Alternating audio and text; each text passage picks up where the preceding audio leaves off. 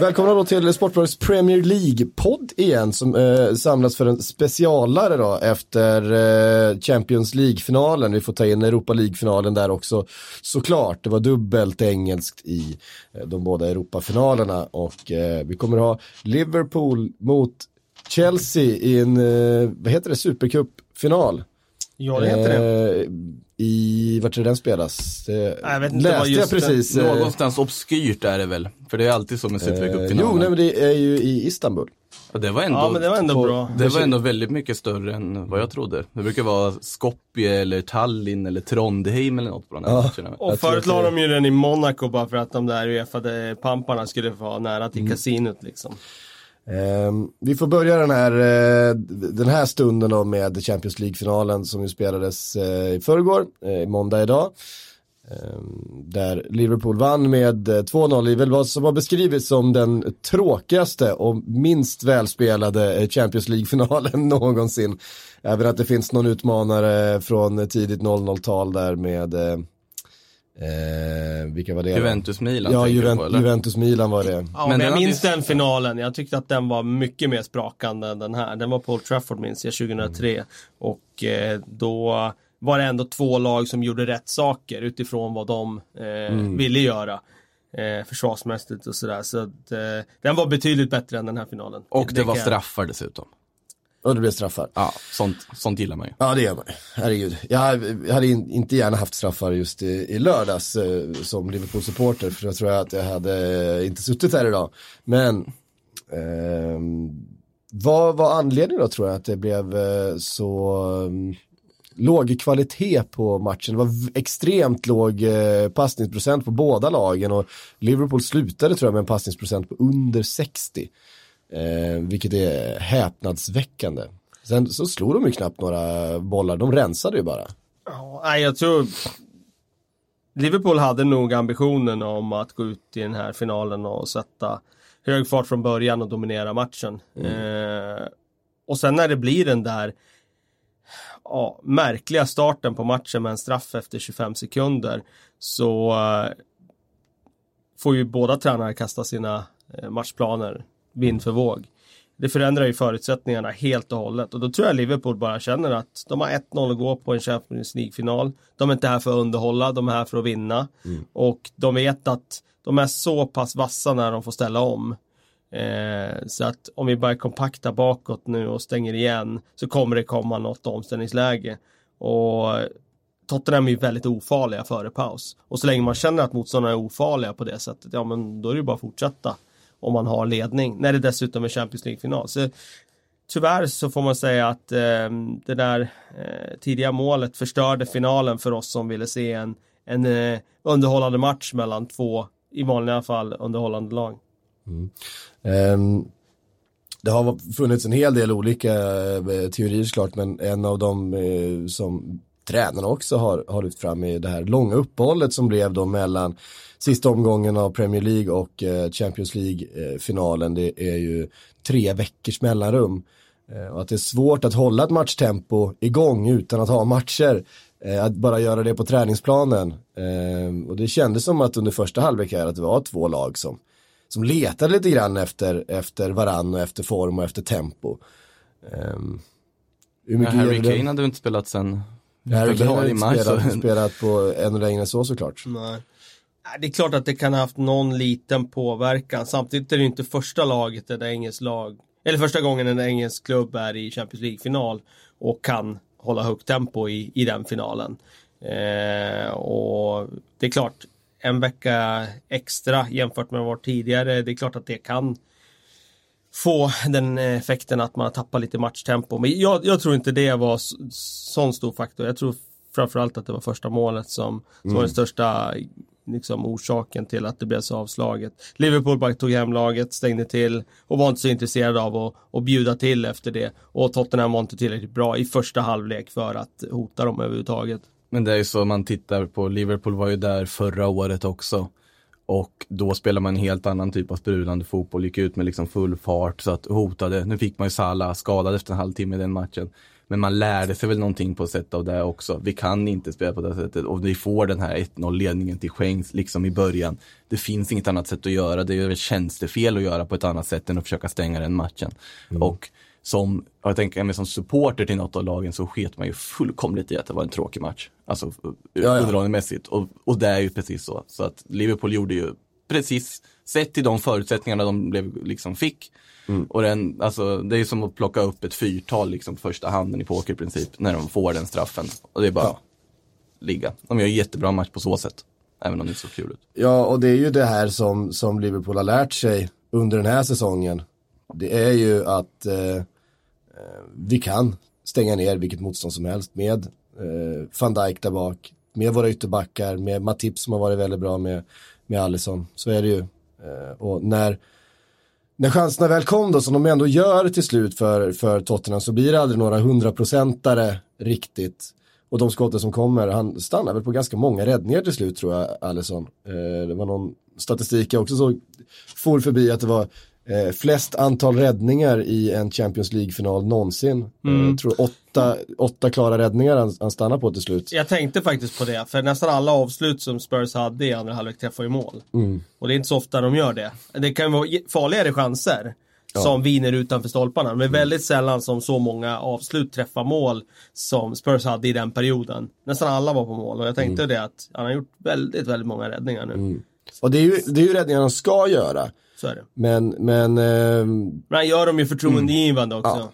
Det är inga eh. returer, det är liksom inga eller farliga returer, det är liksom, han gör dem på rätt sätt. Mm. Son har ett bra skott, Eriksen har, en helt okej frispark som eh, går mot bortre stolpen och så vidare. Men, men eh, han gör ju inga misstag. Och det ger ju inte, varje räddning ger ju ännu mer trygghet till dem också. Mm. I försvaret och så är det ju att sättet du gör räddningarna på, även om de är enkla räddningar, de görs. Och det är mm. det viktiga i det läget. Och det är det han är värvad för att göra också. Och det... Ja, verkligen.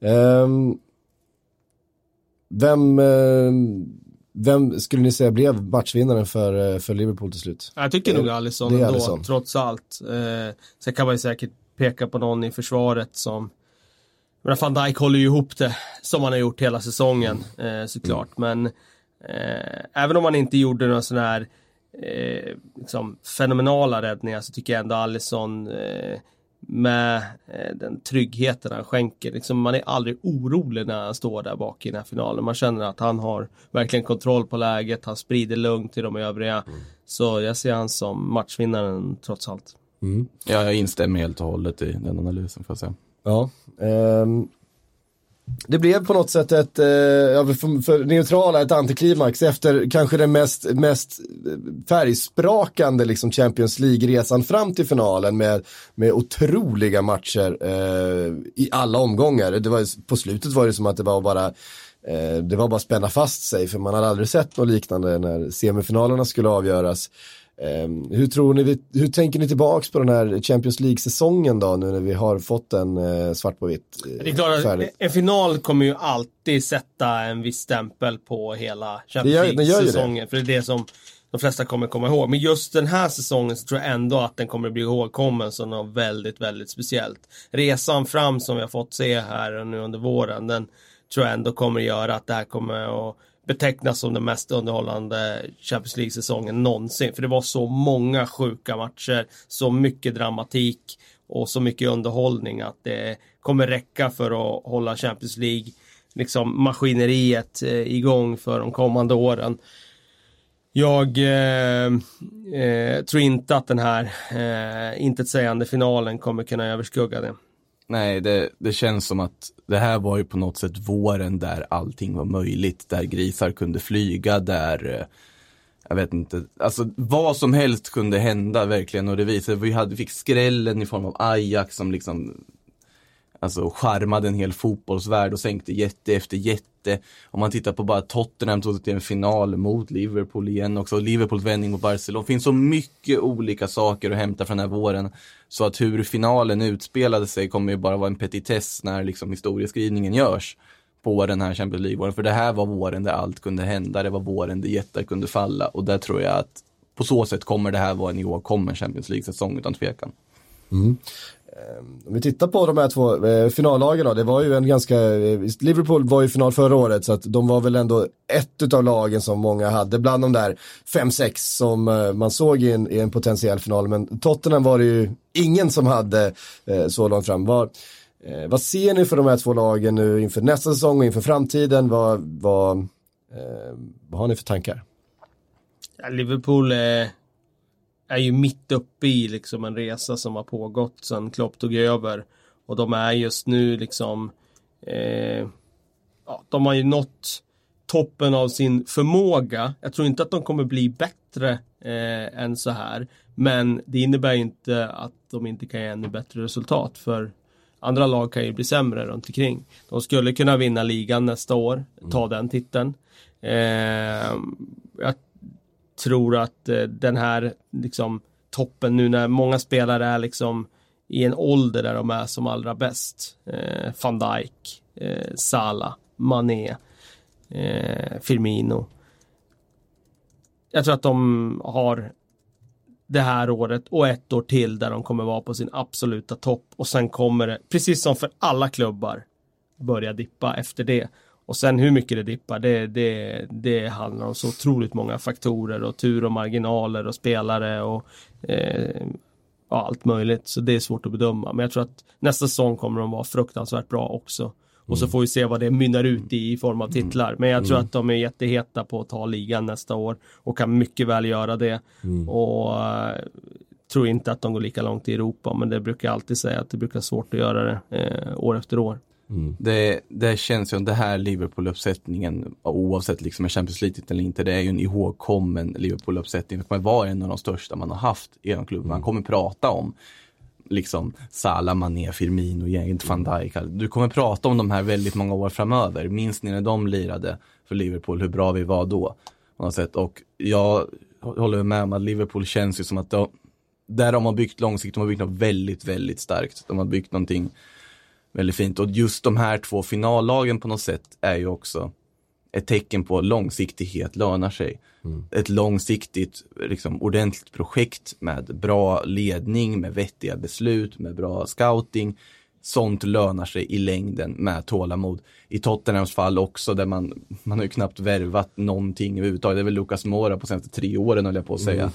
Eh, men, och där finns det ju en annan historia på sättet Tottenham tog sig till finalen också. Man skulle ju ha åkt ut i gruppspelet egentligen, verkar det som. Ja, det var ju Men, sjukt nära. Och Liverpool var ju illa ute också, ska Ja. vi nästan tilläggas. Ja, och det i sig är ju en häftig del av liksom historien för den här Champions League-säsongen. Mm. Men Tottenham också med sina vändningar, man lyckas ta sig tillbaka på något vänster, Mm. du klarar det utan Kane. Lucas Moura gör ett hattrick, liksom helt osannolikt hattrick. Um, där är ju det intressanta, vad tar Tottenham för nästa steg? För det känns som att den klubben är inte lika långt framkomna som Liverpool är. Nu måste de kanske börja investera på ett klokt sätt i truppen på, på ett sätt de inte har gjort nu.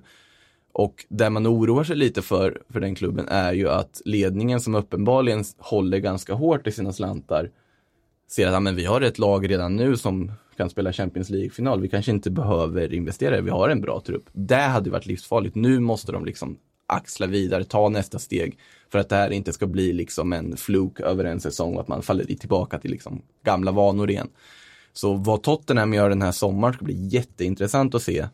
Sett till, kan de bibehålla, kan de rida på den här vågen på att ligga i en final eller är det bara en engångsföreteelse? Vi vet ju att eh, den här eh, arenan de har byggt, eh, imponerande projektet, har kostat en del pengar men det borde finnas en budget för att Ja, investera Det är en i, jättevälmående klubb ekonomiskt. eh, i, det här, eh, i det här laget. Ehm, om vi tittar lite grann på, på eh, dels vart klubbarna befinner sig men också hur, hur de faktiskt kan ta sig vidare då. Eh, Pochettino har varit inne på att han eventuellt eh, eh, skulle lämna, nu blir han ju kvar. Hur viktigt är det för Tottenham i det här läget? Ja, men det är otroligt viktigt, fundamentalt. Eh, Jag tror att eh, en sån grej skulle kunna få stora efterverkningar. Dels på spelare och deras val och så vidare. Men också för trovärdigheten för hela deras liksom, satsning. För att de måste ha ett starkt ledarskap där eftersom de inte har samma resurser som andra lag. Så att de står och faller med, med att ha en riktigt skicklig tränare. Så passar han väldigt bra för den här gruppen. För jag tror att han duktig på att jobba med de här unga och utvecklingsbara spelarna, Mm. vilket han har visat. Eh, Så att det blir inte samma sak att ta in, det kan ta in ett, liksom ett namn som är stort och så vidare, men jag tror att han passar perfekt just i den miljön. Så att det är otroligt viktigt. I ett sånt här läge som Tottenham är i också så blir det ju att om de skulle behöva gå, genomgå ett tränarbyte slänger du in den mänskliga faktorn hos den sportliga ledningen på hur väljer, vilken tränare tar man in. För vi har ju sett så många felrekryteringar genom åren i olika sammanhang. Och vad säger att Tottenhams nästa skulle vara en rätt rekrytering? Du sätter en risk på det här sättet och bara det faktumet gör ju att det är liksom vitalt för Tottenham att behålla Pochettino för att kunna på allvar bli en toppklubb som slåss om de absolut liksom, finaste titlarna. Eh, men tillbaks till matchen lite grann då. Det finns några, Har vi inte sagt allt om matchen? Det hände inte så mycket. det händer inte så mycket där, men det finns, det finns ju ett par, ett par moment som behöver eh, benas ut ändå. Straffen, är den korrekt? Nej, säger jag. Nu kanske jag får väldigt mycket arga Liverpool-fans ledda av psyk efter mig, men Alltså, eller Men det är den är ju diskutabel, men det beror på hur man ser på handsregeln. Alltså, i det här läget så gamla tiden i Spanien hade ju det här blivit straff alla dagar i veckan när Cristiano Ronaldo stod och pricksköt armar i straffområden. För att allt som var hans blev straff. Nu har vi ju inte den regeln, utan nu har vi någon sorts gråzonsregel som är någon sorts bedömningsfråga, vilket i sig är värt att diskutera. Men det är ju, det är en arm som sticker upp, det är en väldigt snabbtänkt mané som ser den armen. Ja. Missar ju faktiskt armen, den tar ju faktiskt på bröstet och går på armen och även det liksom, faktorn gör ju att den känns ofrivillig. Efter 25 sekunder i en Champions League-final och ta den straffen, det är starkt liksom av Skomina att våga blåsa i det här läget. Många hade bara släppt det där för att de inte vågar. Men jag är förvånad att Han, har hat, varit han mer... hatar ju inte att få lite, lite uppmärksamhet där heller. Han är, han, är, han- han är ju framme och ska prata med alla och ska, enskilda samtal. Han är framme och pratar med Juris för, alltså. Jag tror ju att Matteo Lahos Lite som fjärde domare satt ju och var lite rörd liksom över vad hans huvuddomare gjorde. Han hade nog gjort samma sak, på att säga. Men jag är förvånad att det inte har diskuterats mer om den här straffen. Jag tycker den är ganska tveksam. Ja, de var ju, verkar ju vara överens i studion om att det, var, att det var straff. Jag tyckte att det var det när jag såg den från början. För jag tyckte han var ute och flaxade så mycket med armen. Sen när jag kollade på repriserna sen, lite senare efter matchen och så. så Ju mer jag såg repriserna desto mindre straff tyckte jag det var. Just i och med att eh, Att den går från bröstet Ja, ut från bröstet och så kort avstånd då liksom. eh, Hur ska han kunna hantera den studsen? Och även om han har armen ut då, men då har den ändå studsat på bröstkorgen innan den tar på armen. Jag tycker inte det är straff och jag tror inte mer än två av tio tränare dömer den där straffen. Eller eh, domare. Och nu domare. finns ju VAR också. Ja, Och och, det är de det tittade som- ju på VAR. Han, Ja, de tittade på VAR. Han, eh, Men de tittade bara det. kontrollera grova fel, är det inte så? Ja, han, Ja, och han, han hade ju de- kontakt med kontrollrummet. Ja, han gick inte ut och tittade på den. Han Om gick de- inte ut och tittade på den. nej. Om de följer det här direktivet så är det ju ko- korrekt att det går ju att diskutera huruvida det är straff Ja. eller inte. Då ska inte VAR intervina. Men sen har vi ju sett väldigt många ändå, gånger att man gör det också. De här Och det är en Champions League-final. Jag kan tycka att han borde gått ut och titta på situationen ändå Ja, själv. det, det tyck, bara, bara för att visa att ja, men jag, jag har till och med sett den här situationen i repris och jag tycker fortfarande straff. Jag har gjort den här bedömningen. Här blir det på något sätt, ah, okej, ja, nej, men vi kör på straff. Så, Nej, men jag, jag, jag håller helt med att ehm, just med tanke på att den går via, via bröstet ut på, på armen. Eh, hade, den, hade den bollen gått rakt på armen, Ja, det var en helt annan sak. då Ja, hade det inte varit, då hade det inte varit någon, någon diskussion överhuvudtaget. Eh, men nu blev det straff. Eh, Salah slog in den, en skön revansch för honom efter eh, förra säsongen då han fick kliva av med, eh, med eh, skadad axel. Eh, inget lätt läge att kliva in och slå den straffen. Alltså. Nej, det är Ska ju Dålig sägas att han är jävligt nära på att ta den alltså. ja, det är ingen Det är bra inte straff. många millimeter alltså. Alla straffar som går in är bra straffar. Ja, det, det håller jag med om. Ja, men det håller jag med om. Men han är nära på att ta den ja, alltså. det, Eh, sen hände det väldigt lite under eh, 85 minuter. Ja, det var någon streakare som sprang in där. Ja, precis. Eh, och Vågar jag säga att det var mer fart på Imagine Dragons? Nej, nej. hatar Imagine Dragons. jag hatar dem ännu mer nu. Eh, Det var ju en period, tycker jag, där det, det kändes ändå som att Tottenham eh, fick en livlina. Ja, men typ det 20 var minuter kvar av matchen. Då Exakt. har de rätt mycket halvlägen som, det blir inte så här hundraprocentiga målchanser, men det är ändå, de är där och hotar och Mm. det kändes som att då var Liverpool skakade. Mm. Eh, och då hade de mycket väl kunnat gjort ett kvitteringsmål faktiskt. Ja. I den perioden. Ja, eh, jag håller med. Sen så lyckas de inte. De har inte, det var ju som sagt väldigt ganska låg kvalitet i den här matchen. Alltså när, när inläggslägena kom för, för Trippier och för Eriksson, så då satt de inte riktigt där de skulle. Eh, avsluten som kom eh, gick rakt på Allison. Eh, samma sak åt andra hållet, Liverpool hade ett par chanser i, under samma period. James Milner har ju en boll som går precis utanför stolpen. Trent har väl ett skott också tror jag som går precis utanför stolpen eh, åt andra hållet och sen så kliver han ju fram då, Divock Origi. Eh, odds på honom inför säsongen att det är han som avgör Champions League-finalen. Ungefär som att Eder skulle avgöra EM-finalen 2016. Ja. Nu är ju Origi en väldigt mycket bättre fotbollsspelare än vad Eder är, ska tilläggas. Men Alltså, Kul för han. Han var ju bedrövlig. Eh, från sitt inhopp fram till att han sätter bollen. Han har ju ett Han par fick ju inte heller någon tacksam roll. Han fick ju en annan roll än den han brukar ha. De skulle spela någon 4-4-2 försvar Mm. plötsligt. Och han kom ju helt fel i det. Men inte bara han, utan även hela Liverpool kom ju helt fel i det. Eh, det var ju faktiskt en ganska, tycker jag, en ganska rejäl coachmiss av Klopp. Eh, Jag vet inte hur han tänkte riktigt där, för han släppte kanterna helt i Spurs, fick de börja damma in massa inlägg som blev farliga. Eh, men det är ju, som sagt, det är ju eh, alltid vinnaren som skriver historien, så det är ingenting som man kommer få någon större kritik för i historieböckerna. Eh, men ja, Origi kom fel in i matchen, mycket på grund av att eh, han fick en lite oklar roll. Och eh, han kunde ta sig samman och dunka dit det i avslutet, världsklassavslut. Eh, Ja, det är ett jättefint avslut. Mm. Ja, det, det var oerhört likt det avslutet när eh, direkt när han gjorde det där så bara drog mig till minnes när Gary Lineker gjorde 2-2 mot Kamerun i VM 1990. Det var exakt sånt avslut.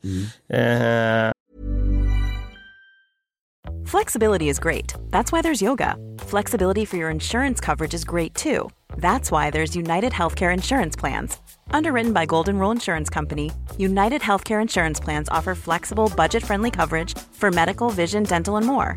One of these plans may be right for you if you're, say, between jobs, coming off your parents' plan, turning a side hustle into a full hustle, or even missed open enrollment. Want more flexibility? Find out more about United Healthcare Insurance Plans at uh1.com. Ehm, och det summerar väl eh, någonstans att eh, Klopp återigen får ut väldigt mycket av sina byten. Han får ut väldigt mycket av hela truppen och eh, Origi kommer att lämna Anfield som en legend oavsett när han lämnar nu. Ja, alltså två mål, mål mot Barcelona är en av tidernas eh, mest spektakulära vändningar. Och sen så få sätta det avgörande målet, eh, eller det avslutande målet i en Champions League-final. Det var inte många som hade sett framför sig. Eh, I hans Liverpool-karriär för, när han var utlånad till Wolfsburg här för en säsong sedan. Men det är ju verkligen spelare som vet sin roll. Alltså verkligen, alltså Origi är ju en som vet sin roll. Han vet att ja, men jag kanske inte är första valet men jag ska, kan leverera när jag kommer in. Shakiri som vet sin roll när han kommer in. Du har Naby Keita som vet sin roll. Du har Henderson som vet sin roll på ett sätt också. Liksom. Det, det är så mycket Alltså hela truppen på något sätt vet vart de är i det här laget. Var, På vilket sätt ska jag bidra till att det här blir så bra som möjligt? Och att Klopp har satt det där på ett sätt som är väldigt jag höll på att säga Janne Andersson lite, alltså, men det, det är ju lite kanske, men Ja. ni förstår vad jag menar kanske. Eh, och Jordan Henderson som då faktiskt är eh, en av de större kaptenerna som Liverpool har haft. Eh, Ändå stora ord för en klubb med den. ja. ja, det finns ju såklart några stycken. Eh, det går aldrig att ta, ta ifrån Steven Gerrard det han har betytt för, för Liverpool. Men att komma efter eh, med alla de frågetecknen som han hade runt sig, eh, så ifrågasatt eh, och nu kaptenat Liverpool till två stycken Champions League-finaler, eh, varit helt avgörande, varit, varit en av eh, lagets bästa spelare nu på, på våren. Eh, ja, det, det, det var som Klopp sa, han är nästan gladare för Jordan Hendersons skull än för sin egen. Eh, just med tanke på det och hur, hur mycket han, eh, han har betytt och mycket det här betyder för honom. Det var starka ja. scener också med hans pappa som har varit, ja. eh, varit eh, sjuken eh, under hela den här säsongen egentligen, att han var där och mm. eh, ja, det var mycket känslor. Man unnar ju verkligen Jordan Henderson den, alltså det går nog inte att beskriva den känslan. Alltså det är för alla som lyfter en Champions League-trofé, men jag tror mm. att det fanns väl andra känslor som bubblar hos Jordan Henderson mm. än vad det gjorde för kanske för Sergio Ramos förra året som vart det tre gånger liksom. Ja, jag tror också det. Hoppat upp det. Men också så här, eh, just med tanke på hur ändå bra den här eh, truppen verkar må. Alltså den som firade hårdast av alla var ju nästan Moreno som har ju är, är längst från startelvan tror jag. Han vet att han aldrig truppen. kommer komma i närheten av Champions League-buckla ännu mer. Nej, det vet han ju också, men han, han, eh, han hade ju också kunnat liksom ställa sig längst bak. Nu är ju inte han riktigt karaktären som ställer sig längst bak på en fest. Men att han, han springer runt och du vet, jublar med pokal. Det, det känns som att de mår bra den här gruppen. Mm. Att eh, även de spelarna som inte har fått så mycket mm. speltid och inte har liksom ingått i, i tränarens planer och inte gör det framöver heller. Han vet ju att han kommer lämna här. Eh, men han gör det ändå att han känner att han är en del av det här eh, laget. Mm. Eh, det är, ehm, det tror jag är ett eh, väldigt sunt tecken. Mm. Liverpool härifrån då? Är det början på en... Eh... Ja, vi var väl inne på det. Mm. Vi, eh, jag tror att de kommer att hålla den här nivån och kanske ett halvsnäpp till nästa säsong. Det blir deras topp de här två åren. Mm. Eh, den här säsongen och nästa och sen tror jag att som med alla klubbar eh, att allting går i cykler mm. och man klarar inte att hålla sig på toppen hur länge som helst. Även om man tror det när man är som allra bäst så tänker man att ja men eh, ja, det här laget borde ju liksom kunna bygga en dynasti nu och vinna hur mycket som helst. Men de, det blir ju inte så. Kolla på Barcelona, de har haft en unik spelargeneration de senaste eh, 12 åren kan man säga med mm. Messi. Ja, men de har inte vunnit Champions League så många gånger under de här åren. Eh, så att det blir aldrig på det sättet. Jag tror att de, som sagt, de kommer att vara ruskigt bra under nästa säsong också och sen tror jag att de kommer börja dippa. Mm. En, två värvningar i sommar kanske liksom för att spetsa till truppen vissa delar beroende på vilka som försvinner. Men det kommer ju inte, kommer inte omstruktureras om vi säger så, utan vi kommer nog få se ett Liverpool som är väldigt likt det som vi har fått se i år. Sen, om jag ska vara lite pessimistisk då, eller liksom mm. realistisk, det är ju också det där att det är så mycket andra faktorer som eh, som påverkar. Alltså man kan ju tänka sig, oh, men Joe Gomez är ju ung och, och, och Trent Alexander-Arnold är ju ung. Det är liksom, de har ju en backlinje för kommande tio år. Jo, men om man tittar på hur fotbollen är, ja men det kommer en allvarlig skada för någon spelare och så mm. den spelaren är inte samma spelare mer. Och sen liksom är det någon som köps av någon anledning och någon som drabbas av någon, liksom något annat. Det, det, det är tur att det är så, för annars skulle ju eh, vi inte behöva sitta och ha de här programmen. Det fanns det ju ingenting att diskutera om det var samma lag som vann eh, varje match och varje år. Nej. Så det är jäkla tur att det är så oförutsägbart som det är. Ja, eh, så är det verkligen. Um, jag tänkte vi skulle också komma in lite grann på Europa League-finalen som spelades tidigare i veckan. Ja, det kan vi nog hålla alltså, ganska kort Alltså, om, om Liverpool-Tottenham var tråkigt så är ju alltså första halvleken av Chelsea-Arsenal, det är ju att stå och vänta på en försenat pendeltåg. Liksom. Det, äh, det var ju bisarrt tråkigt mm. och bisarrt, alltså lågt tempo och Nej. Det var också väldigt tydligt det här, alltså om vi hade en Champions League-final, även om den var väldigt tråkig, men då har vi två klubbar som är, har byggt någonting som är på väg någonstans. Det känns som att Tottenham också kommer bli bättre. Eh, har liksom alla möjligheter till att göra en ännu bättre säsong. Europa League-final med ett Arsenal som såg så oerhört blekt och har sett så blekt ut under hela den här våren. En Chelsea som kommer sparka Sarri direkt efter, eller sparka, han, han lämnar ju eh, frivilligt eh, med ett transferförbud hängande över sig. Det är verkligen två olika verkligheter ja, det kan man säga. Eh, för de här lagen i de olika finalerna. Det är ju två olika turneringar av en anledning också på något sätt. Eh, Absolut. Jag tror ändå att det känns som att den här förlusten var ju oerhört kostsam, inte bara på en Champions League-plats för Arsenal sett till vad Arsenal och Unai Emery försöker bygga. För de mm. försöker ju bygga ett lag som har en vinnarmentalitet. Det är det som har saknats i Arsenal under alla dessa mm. år. Som på något sätt liksom sakta men säkert liksom hyvlats bort under en alltför lång Wenger-period. Eh, vilket är tragiskt med tanke på att jag tycker om Arsene Wenger som tränare och så vidare. Att det ändå gick så pass långt att den inte tog slut tidigare. Med Emery ska man ju bygga något nytt. Det har ändå, ska tilläggas, under säsongen sett bra ut. Det är ett lag som känns som att de har tagit kliv ändå. Men sen kommer den här Europa League-finalen som på något sätt kan ge verkligen en boost inför nästa säsong. Nu har du chansen, nu vinner vi den här matchen, då tar en titel, får fira, ger en boost inför sommaren, inför nästa säsong och så vidare.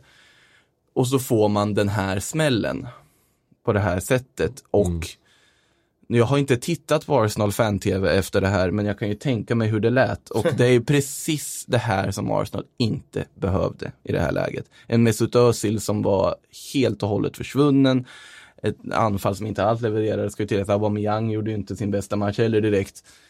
Eh, på så många olika aspekter totalt fallerar och det här var det, återigen, det sista de behövde inför fortsättningen och jag tycker det är tråkigt på något mm. sätt. Eden Hazard får vi också nämna, det var ju förmodligen då hans sista eh, match i Chelsea-tröjan. Eh, han är ju bra. Han eh, vandrar ut med fanan ovanför han toppen var, egentligen. Han var ju, han var ju, han är ju, han är ju bättre än alla andra på den där planen med eh, både, både ett och två huvuden. Ja, det är så ju är så. Det, så är det. Han, eh, nej, han har en fruktansvärt hög högsta nivå i sig. Mm. Och då är han ju liksom topp fem med den högsta nivån. Jag kan ju tycka ibland att han fejdar ut eh, för ofta sett till hur bra han är. Eh, I toppmatcherna den här säsongen så hade han kunnat gjort ännu mer avtryck kan jag tycka. Samtidigt så i år i Chelsea har han inte haft så bra omgivning. Så det blir väldigt spännande att se han i Real Madrid nu, vilket vi förväntar oss att han kommer hamna. Och vad, vad han är kapabel att göra när han får bättre medspelare runt omkring sig. Det är bara att gratulera de här spelarna i Real Madrid som kommer få spela med honom för att han skapar ju så otroligt mycket lägen åt sina lagkamrater. Och eh, det var verkligen en värdig avslutare för, får man säga, en av Premier Leagues stora. Eh, under hela Premier League-eran faktiskt, skulle jag säga att det är en av de bästa spelarna i Premier League eh, som vi har sett. Eh, och han kommer ha sin plats i Chelsea-historien också som en av de stora där. Det är klart att det finns många spelare som känslomässigt är större för Chelsea-fansen. Terry, Lampard, Sola och så vidare. Mm. Men Hazard, om vi pratar bara fotbollsmässig kvalitet så är han ju en av de absolut bästa som någonsin har dragit på sig den tröjan. Ja, mm. utan tvekan. Och eh, var ju skillnaden i den här finalen också. Mm. Ja, det får man säga. Två, två plus ett va? Ja, det var det väl va? Ja, två plus ett. Um, och när han, det är just det när han, när han ska slå den där straffen. Att han har ju ingen puls. Nej. När han, när han gör den. Det är han, och vi har ju sett honom i, i, i pressade lägen när han ska gå fram och slå en straff. Han har ju inga nerver. Nej, han är så trygg i sin kvalitet och sin, eh, liksom, i sitt kunnande så att han, han behöver aldrig bli nervös. Och Nej. kolla hur avslappnad han är när han går ut på planen. Har du sett mm. han spela liksom, sett nervös och osäker ut någon gång? Liksom sen han tog det här klivet? Nej han såg ointresserad ut under mm. det där året när Mourinho, år, ja. ja eh, liksom hade tappat omklädningsrummet. Men du ser ju aldrig honom vara nervös eller reagera otroligt eh, hög nivå i det mesta han gör. Och nästan när, när han gör misstag på planen så är det nästan oftast för att medspelarna inte har förstått honom. Snarare ja. än att han gör misstag. Eh, de har inte förstått att han kommer att klacka den här bollen. Mm. Då står de och sover istället. Så att, ehm, ja, nej, det är en fenomenal spelare. Det är trivsamt att se honom och Benzema länka upp i Madrid nästa säsong, ja. om inte annat. På tal om spelgenier också, mm. offensivt. Mm. Ja, han, han, har, han lär kunna läsa dem i alla fall, eh, Benzema. Han är, han är smart, eh, smart fotbollsspelare. Eh, om det nu blir Real Madrid för eh, Edna Hazard. Det vet vi ju inte. Det men, vet vi inte, ska vi men, betona. Men känslan är väl att eh, han vill dit och eh, jag tror att han kommer få, ge, få igenom sin vilja den här gången. Han fick det inte förra sommaren. Det här har ju varit alltså, en följetong under väldigt många år där Hazard har ju alltid varit väldigt tydlig med att han vill till Real Madrid, han vill testa Real Madrid. Real Madrid har varit tydliga från sin sida med att Hazard är en spelare som är intressant för dem. Men jag tycker i alla fall att det på något sätt har skett med en ganska fin respekt under hela den här transfersagan. Utan det har alltid varit med respekt mot Chelsea, Hazard har visat respekten mot sin klubb på något sätt och liksom accepterat att okej, okay, ja men ni vill inte sälja nu, men jag köper det liksom, då spelar jag vidare här. Nu tror jag på något sätt att nu, det här är väl den sommaren som man kommer lämna och det har man sagt förut också. Men nu är det bara ett år kvar på kontraktet och man kommer inte kasta honom gratis om vi säger så. Nej, så är det. Jaha, det var väl ungefär det jag hade om, om eh, de här Europafinalerna. Jag kan ju bara slå ihop Europa League-finalen. Ja. Det var ju en tragisk final på, på alla sätt. Mm, ja. Sett till var den placerades, och... att Mkhitaryan inte ens fick eh, spela på grund av säkerhetsskäl, hur den såg ut. Den var själslös i hur stämningen var där. Mm. Den blev eh, avslagen av att eh, Arsenal inte kunde mäkta, med, liksom. mäkta med och, och stå upp. Så att Uefa behöver se sig själva i spegeln kring hur man arrangerar de här finalerna framöver för att få ut Ja. så mycket som möjligt. För annars kommer ju eh, bilden av den här turneringen att skadas rejält. Alltså man känner ju redan nu att mardrömsgruppen att hamna i till EM 2020 är ju Rom Baku-gruppen. Inte Ja. bara för resväg nu som det var tidigare utan det var ju alltså en tragisk föreställning på så sätt. Men du gillar kameravinkeln va? Jag gillar kameravinkeln. Jag var oerhört nöjd med kameravinkeln. Äh, så att, Du vill, du, du vill se mycket. Jag vill se mycket. Jag vill se vad vänsterbacken gör när bollen är på höger sida. Eh, så att eh, jag var oerhört nöjd med kameravinkeln i den här matchen. Det ska sägas att det, det är ändå ett så pass stort plus att den här finalen ändå hankar sig upp på eh, ett plus. Ja. Ehm, Jag kan säga tillägga att när jag satt och rattade vad heter det, Sportbladet live ändå under den här matchen så diskussionerna gick ju mest på vilken färg som var på det draperiet över löparbanorna. Liksom. var, var det grönt eller var det turkos eller var det blått? Ja. Liksom.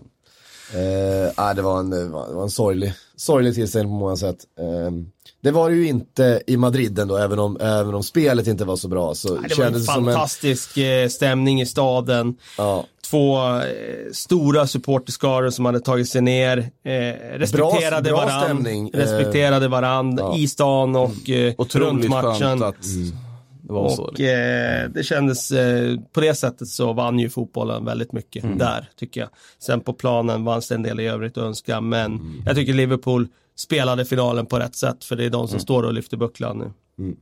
ja, ni, har sett, ni har sett bilderna från paraden i Liverpool igår. När de eh, Klopp landade. eller öl? Eh, Klopp häller öl på Rian Brewster, som vi blir inte är tillräckligt gammal för, för att dricka öl ens. ja, det, är, det är på håret, han är väl, han- han fyller väl 19 i år så då, då är det väl okej. Men, eh, men eh, det var alltså enligt uppgifter 750 000 pers på gatorna i Liverpool och följa den paraden. Det, Ja, det är häftigt. det är rätt mycket folk. Det är rätt mycket folk.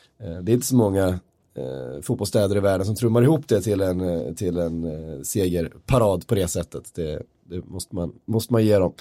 Ehm, och med det då så tackar vi för den här säsongen eh, igen då. Det blev en liten extra, eh, nu var ju Frida inte här till exempel från eh, Premier League-podden. Ehm, och sen så hörs vi i augusti när fotbollen kommer igång igen. Eh, Sillypodden som sagt, den, den rullar ju på under sommaren. Eh, tack för det hörni, nu går vi och äter lunch.